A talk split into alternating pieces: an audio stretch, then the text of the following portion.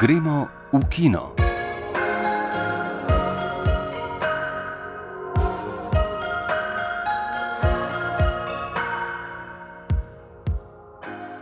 Lepo pozdravljeni vsi, ki imate radi film. Samo še nekaj dni in v francoskem mestecu ob Azurni obali se bo začel festival, ki bo kot vedno pokazal, kaj bomo v kinodvoranah gledali v naslednjih mesecih. Več kot zanimivo pa je te dni dogajanje tudi doma. V slovenski kinoteki so pripravili teden ruskega filma, na rednem programu v Art in komercialni mreži so novi Cena slave, Beli boki in Maščevalci, o vseh v nadaljevanju. Če pa raje prebirate knjige, ob koncu oddaje vam bomo predstavili intrigantno študijo z naslovom Hitlerjev pakt s Hollywoodom.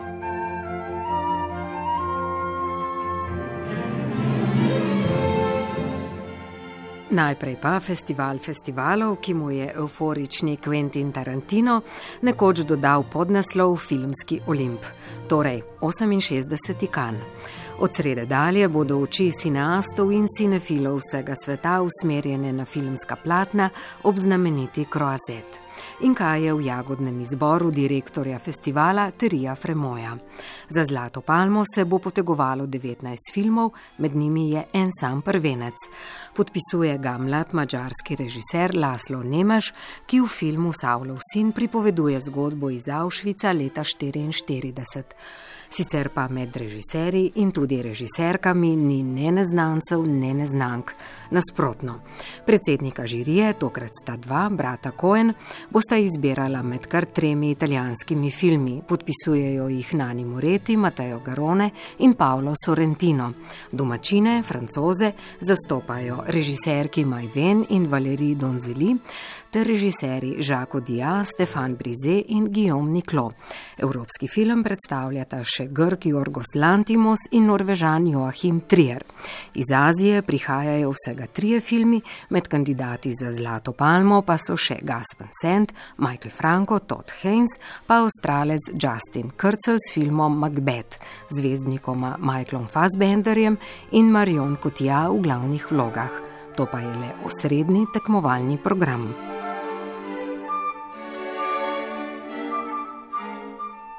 Posebno pozornost bomo letos v Kanu namenjali tudi sekciji Poseben pogled. Vanjo se je namreč uvrstila hrvaško-slovensko-srpska koprodukcija z naslovom Zenit. Hrvaškemu režiserju Daliborju Mataniču je s kamero v roki obstani strav direktor fotografije Marko Brdar.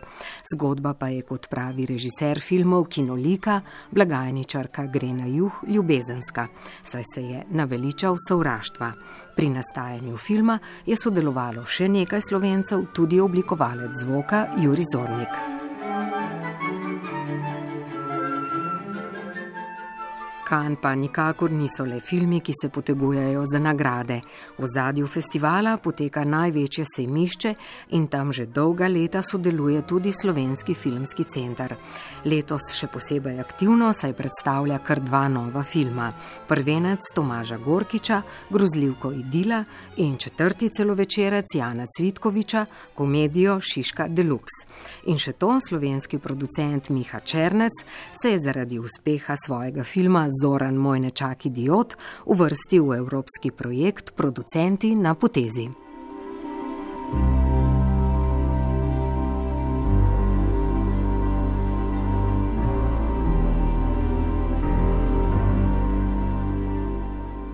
Pričakovanju Kanskega festivala, o katerem bomo veliko več govorili v naslednjih oddajah, pa zdaj le odhajamo v Oberhausen, kjer se je pred dnevi končal že 61. mednarodni festival kratkega filma, najstarejši te vrste na svetu. Tematski fokus festivala je bil naslovljen Tretja slika, v njem pa so bili predstavljeni najrazličnejši eksperimentalni kratki 3D filmi. Na festivalu je bila Tina Poglajen, njen zapis pa bere Mataja Perpar.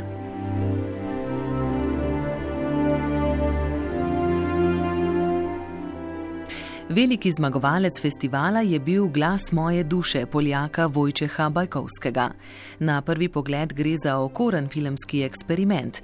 Avtor na realistične podobe sveta lepi vsakdanje grafične simbole. Na kader neba s pticami prilepi črne ptice, ki jih običajno vidimo na steklih ob robu avtocest. Na crkev zvonovi prilepi grafiko zvončka, ki ga običajno povezujemo z budilkami. Glas moje duše skozi navidezno banalno obravnavo sveta eksperimentalni film združi s popularno spletno kulturo. Pri tem se izkaže za unikatno poetično delo z navihanim smislom za humor.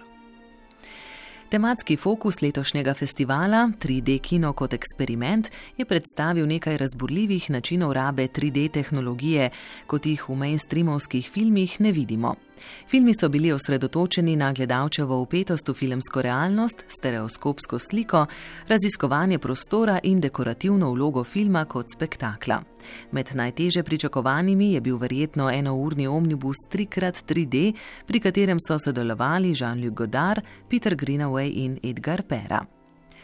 Posebej zanimiva sta bila portreta finca Erke Nisinena in američanke Jennifer Reeder. Nisinenovi filmi so kritika evropske družbe buržoazije z naslovi kot so Družbena konstrukcija realnosti, Večerna šola, Polisix in Rigidni režim. Bes, ki jih prežema, ni vedno očiten na prvi pogled. Najprej namreč opazimo absurdistične šale o penisih, ninjah, spolni privlačnosti pant in nadležnih pesmicah, ki jih pojejo rože. Pa vendar gre za premišljene, nadrealistične skeče, ki reflektirajo tudi lasten medij. Po drugi strani opus Jennifer Reeder govori predvsem jezik sodobne pop kulture. Skozi portretiranje odraščajočih deklet in žensk raziskuje identiteto, osamljenost in komunikacijo. Prikaz žensk, predvsem najstnic, se močno razlikuje od dominantnih upodobitev, ki spoloma pogosto dodelijo stereotipne vloge. You know,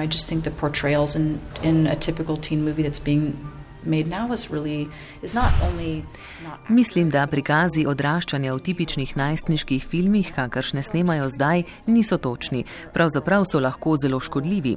Zato poskušam delati filme za dekleta, ki v teh filmih nastopajo, filme, v katerih lahko zares vidijo same sebe. To sem jaz, to razumem, tako se počutim. Mislim tudi, da v njih večkrat vidimo nekakšno zlobo, ki pa je pravzaprav obrambni mehanizem. Niso zlobne, zapiranje vase in upiranje sta le njihovo edino orožje. Morda je razlog pomankanje samozavesti ali strah pred svetom, morda gre za to, da se ne morejo postaviti po robu staršem ali vrstnikom. Um, you know,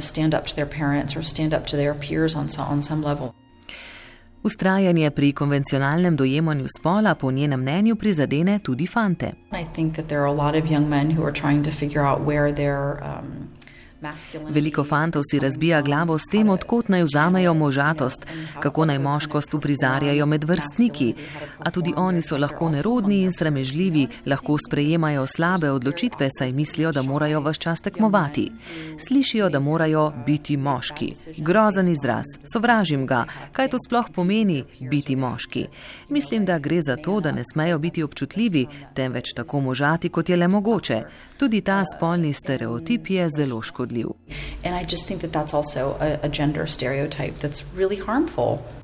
Festival v Oberhausnu še enkrat dokazuje, da je kratki film pomembna filmska forma, že zato, ker glede ustvarjalnih posegov dopušča veliko več svobode kot daljši filmi. Kakšna škoda torej, da festivali in umetnostne galerije, kot kaže, ostajajo edina mesta, kjer je eksperimentalni kratki film mogoče videti in z njim stopiti v dialog. Allez. Faut que t'arrêtes de faire le clown. Samira, regarde qui est là. Elle dit bonjour. Bonjour. Rentre, rentre, il fait froid. Toliko o festivalih, zdaj pa končno odhajamo v domače kinodvorane, kjer sta nova na sporedu dva filma uveljavljenih evropskih režiserjev: Cena slave in Beli bog. Za premjero tedna smo izbrali francosko-švicarsko-belgijsko koprodukcijo Cena slave, ki se tedni vrti v Ljubljanskem kinodvoru in art mreži. Ocenjuje Tesa Drev.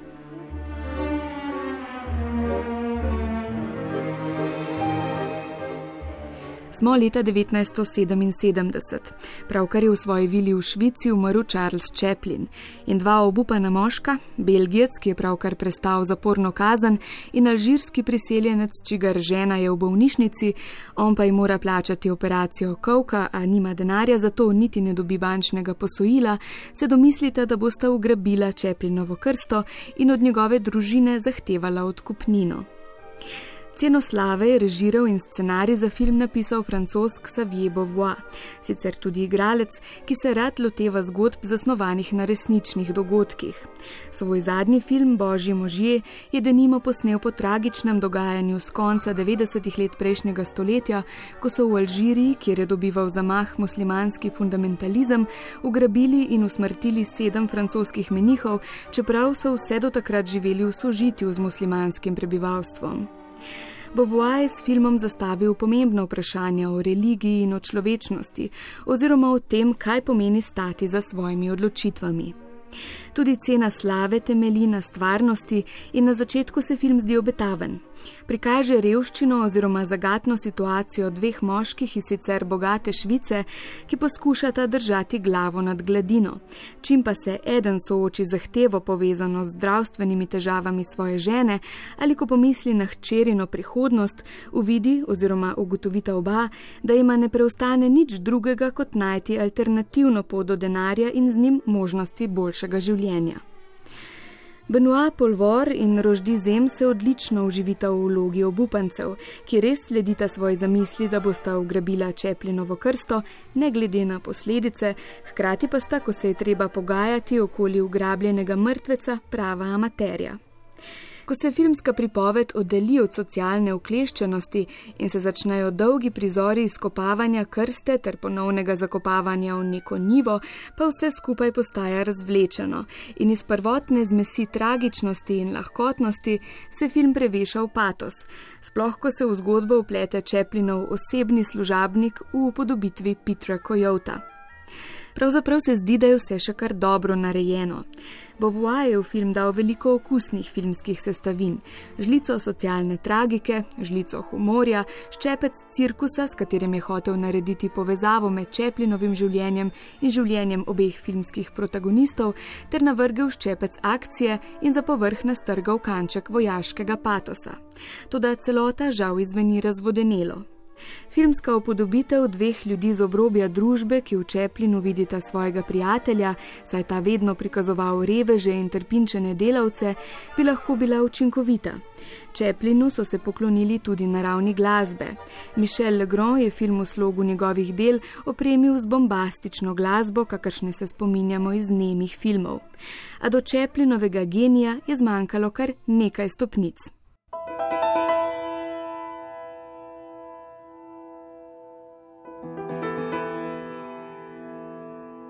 In zanimivo, spet smo pri Mačarih. Film Savlov sin, prvenec Lazla Nemeša, se bo, kot smo rekli, letos vrtel v tekmovalnem programu Kanskega festivala. Lani pa je mačarski film Beli Bog slavil v kanski sekciji poseben pogled. Zdaj pri nas na rednem sporedu v komercialni mreži, ogledal si ga je Denis Valič, njegovo oceno pa bere Igor Velše.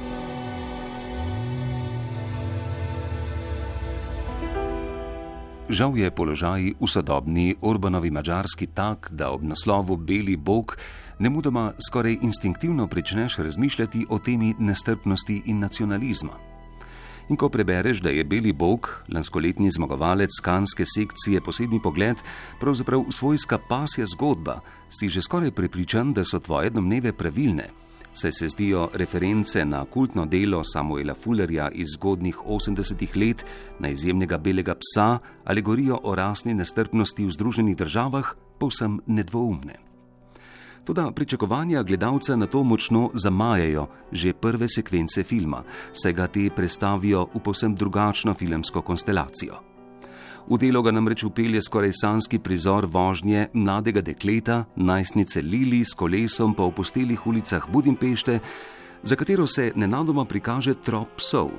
Temu pa sledita prizora, prek katerih Lili in njenega očeta, ločenca, pobliže spoznamo in se seznanimo z njunima značajema oziroma tisto platjo njune osebnosti, ki bo v filmu odigrala ključno vlogo. Delo nam namreč Lili predstavi kot nežno mlado dekle, ki ima rada živali, oče pa ima do teh izrazito utilitarističen odnos, do njih je bolj ali manj ravnodušen in zanima ga le to, ali ima od njih lahko korist, je namreč delavec v klavnici, kjer živali z brutalno smrtjo vstopijo v človekovo prehranjevalno verigo.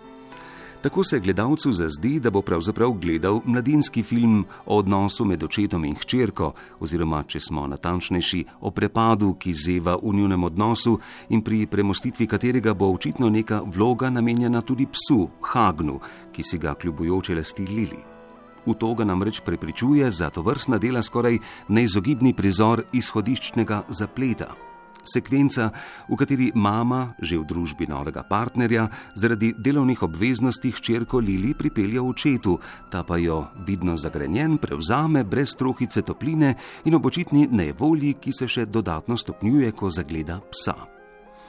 Toda ta prizor izhodiščnega zapleta, ki premore vse elemente mladinskega filma na temo otroka kot žrtve konfliktnih odnosov med staršema, iščočega uteho in ljubezen v odnosu do živali, je hkrati nabit tudi z referencami, ki gledalce opozarjajo na stanje v širši družbeni okolici in sicer od izpostavljanja nečistosti rasnega izvora psa in brutalne politike, ki jo družba vodi do teh ničesar krivih štirinoscev, ki je jasna alegorija na silovite nacionalistične izpade, ki jim je priča sodobna mačarska družba.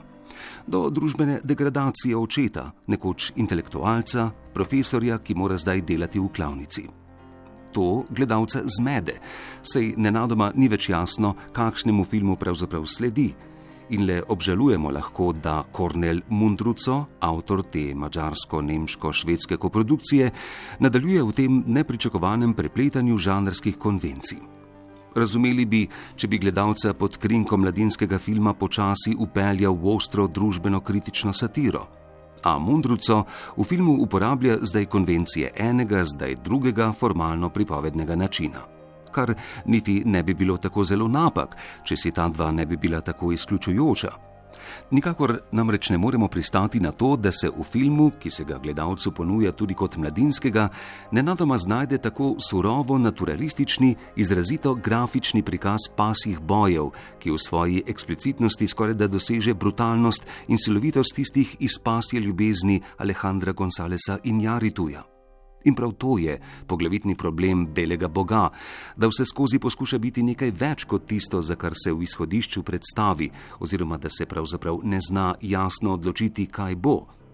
Tako film, ki ima nedvomno zanimivo izhodišče in ki upravičeno opozarja na številne anomalije sodobne mačarske družbe, postane kaotična, težko oprijemljiva gmota, v kateri bodo sicer številni lahko našli kaj malega zase, a nihče ne bo prav zares potešen.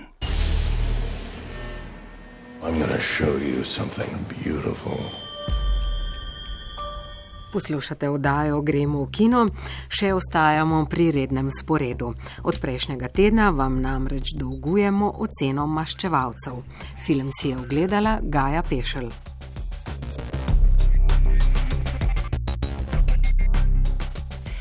Maščevalce, ki jih je tudi v Altronovo dobo pospremil ameriški režiser Joss Weldon, najdemo tam, kjer smo si jih pred skoraj natančno tremi leti tudi najbolj zapomnili, sredi vročega, žgočega boja, v katerem seveda zmagajo.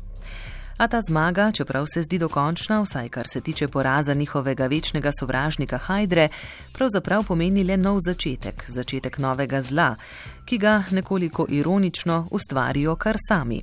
Točneje, vedno vedoželjni Tony Stark, ki sicer z najboljšimi nameni poskuša človeštvu s pomočjo novo ustvarjene umetne inteligence zagotoviti večni mir, a ima ta inteligenca, ki se ji zdi človeštvo tako in tako čisto brezupen primer, precej drugačne namene. Zdaj pa seveda pridemo do glavnega problema. Kako naj maščevalci ustavijo nekaj, kar je ustvaril eden izmed njih? Odgovor je seveda čisto preprost: skupaj. In tako se začne. Malo več kot dve uri dolg akcijski spektakel, v katerem bodo uživali predvsem stari in novi navdušenci nad zimzelenimi Marvelovimi junaki, ki so spet združili svoje moči ter jih skozi zgodbo še nekoliko okrepili z nekaterimi bolj ali manj posrečenimi novimi liki, Filmsko gledano seveda ne prinaša nič kaj posebej novega, a roko na srce tega od njega tudi nismo pričakovali. Gre pač za še eno, po uspešnem in zelo natančno domišljenem kalupu ustvarjeno dogodivščino, ki jo od preoskega kroga gledalcev uspešno rešuje predvsem odlična igralska zasedba in veliko dovtipnega humorja, dobrodošlega predvsem pri glavnem zlobnežu Altronu, ki mu je glas posodil karizmatični James Spader. In čeprav se ne povsem predanemu gledalcu, morda nekje vmes med nekoliko preobloženim dogajanjem, vendarle utrne pomislek, da je to že vse neštetokrat videno, ta kombinacija vsaj zaenkrat še vedno odlično deluje. Vprašanje pa je, koliko časa še, a tega se, kakor namiguje za same junake, precej odprti konec Altronove dobe, očitno zavedajo tudi ustvarjalci. Maščevalci so torej točno taki, kot smo od njih tudi pričakovali, intenzivni, akcijski, zmerno humorni in kar najbolj tipično Marvelovi. Kdor je to pričakoval, vsekakor ne bo razočaran. Kdor pa si je morda obetal kakšno spremembo uspešne formule, bo moral pa še malo počakati. Nadaljevanje je menda že napovedano.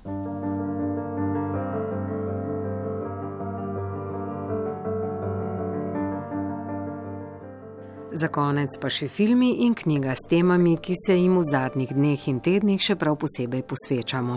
V slovenski kinoteki že od ponedeljka vrtijo sodobne ruske filme s poudarkom na tistih, ki obravnavajo drugo svetovno vojno.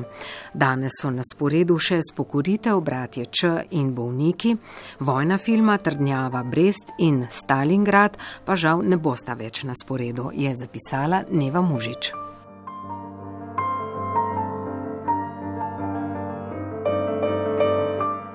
Žal, ker predstavljata najboljšo tradicijo ruskega filma, ki sloni na prikazu tako kolektivnega kot posamičnega junaka. Poleg akcije je v ruskih filmih vedno prisoten še določen lirizem, slovanska duša, ki neizpodbitno loči ruske filme od ostalih z vojno tematiko. Trdnjava Brest je film o prvi veliki bitki na ruskih tleh, bitki za mejnik med Zahodom in Vzhodom. Skozi oči mladega, prvič zaljubljenega dečka, gledamo bitko za domovino, za katero brezpogojno žrtvuje življenje, hkrati pa spremljamo grozote izgubljene mladosti. Film je mojsterski v akcijah, igri in kameri, ki nam vse spremembe na obrazih poznejših junakov posreduje neposredno v dvorano. Režiser Aleksandr Kot s pomočjo odličnega direktorja fotografije sledi najboljši tradiciji vojnega filma. Podoben odnos do vojne prikazuje tudi sin velikega režiserja Sergeja Bondarčuka, Fjodor Bondarčuk.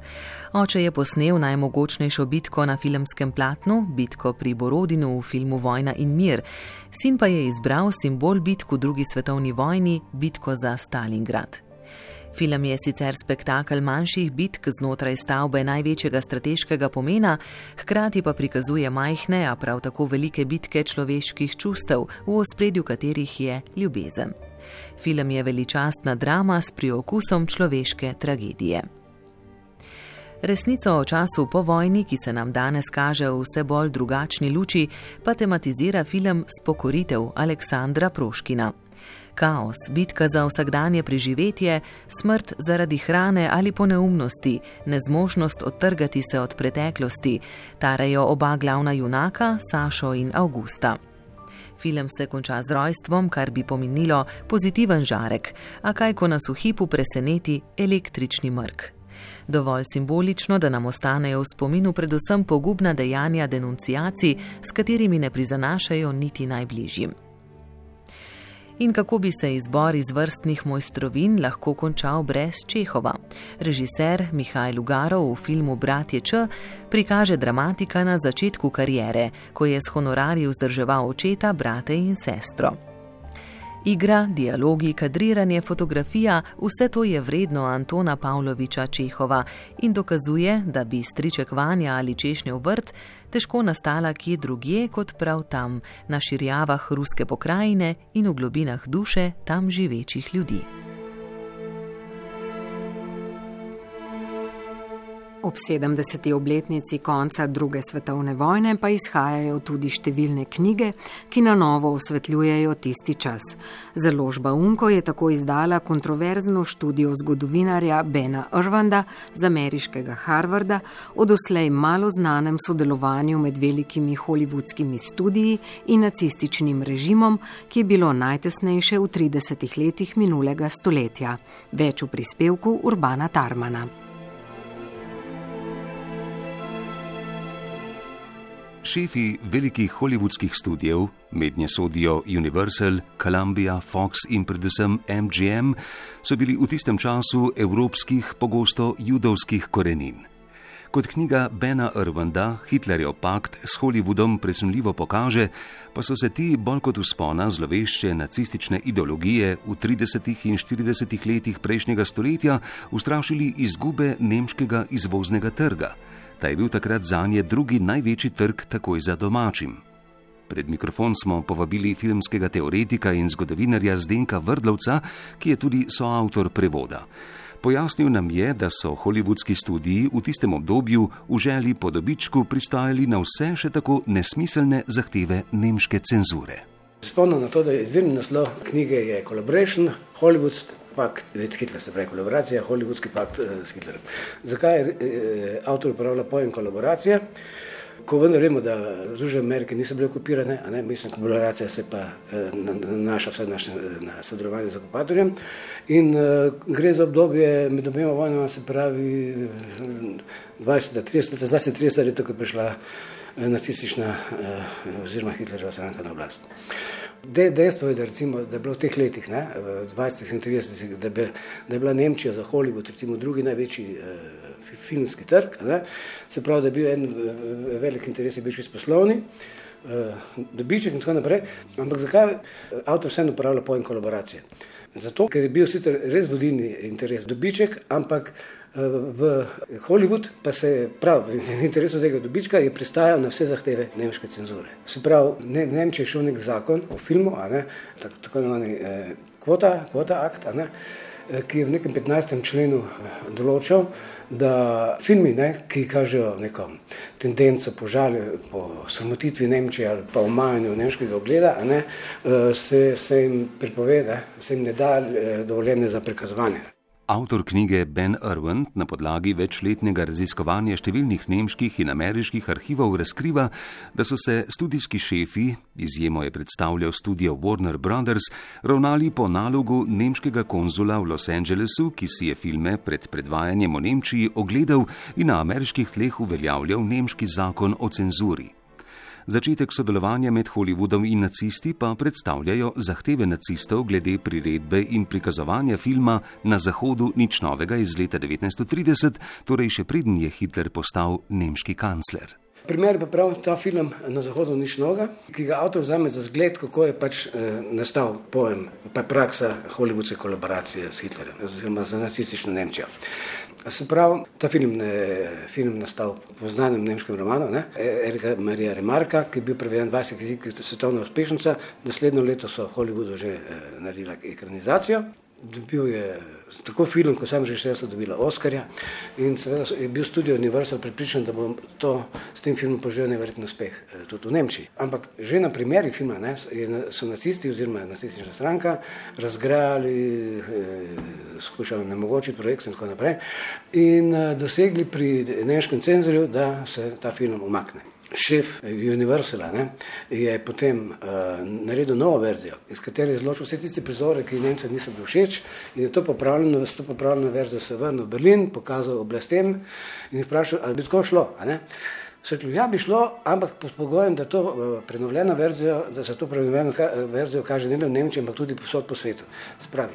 To je bil model eh, hollywoodske kolaboracije, da se ustreže vsem zahtevam nemške cenzure ki je šlo potem tako daleč, da ko so recimo sredi 30 let sprejeli eh, nacisti tiste protirasne zakone, se pravi zakone proti judom zlasti, ja ne, je Hollywood pristal ne na to, da so odpustili iz, iz podružnic njihovih studijev, ki so jih imeli v Nemčiji, vse judovske eh, zaposlene, a ne, ki jih je bilo veliko, ampak da tudi v svojih lastnih filmih, a ne, niso več prikazovali eh, judovskega lika in niti judovski igralci niso smeli več nastopati. Da denar ni poznal ne barve, ne ideologije, dokazuje tudi to, da sta poleg velikih holivudskih studijev poslovne dogovore in zavezništva z nacisti sklepali tudi ameriški korporaciji IBM in General Motors. Toda vrnimo se k filmu in jutrišnji obletnici. Ob obeleževanju zmage nad fašizmom in nacizmom bodo jutri v slovenski kinoteki predvajali liričen, pretresljiv prvenec ruskega režiserja Andreja Trkovskega Ivanovo otroštvo. O dečku, ki kot izvidnik za sovjetske vojake izvaja tvegane pohode na sovražno ozemlje, ki so ga med drugo svetovno vojno zauzeli Nemci. Za nje je Tarkovski leta 1962 prejel Beneškega zlatega leva.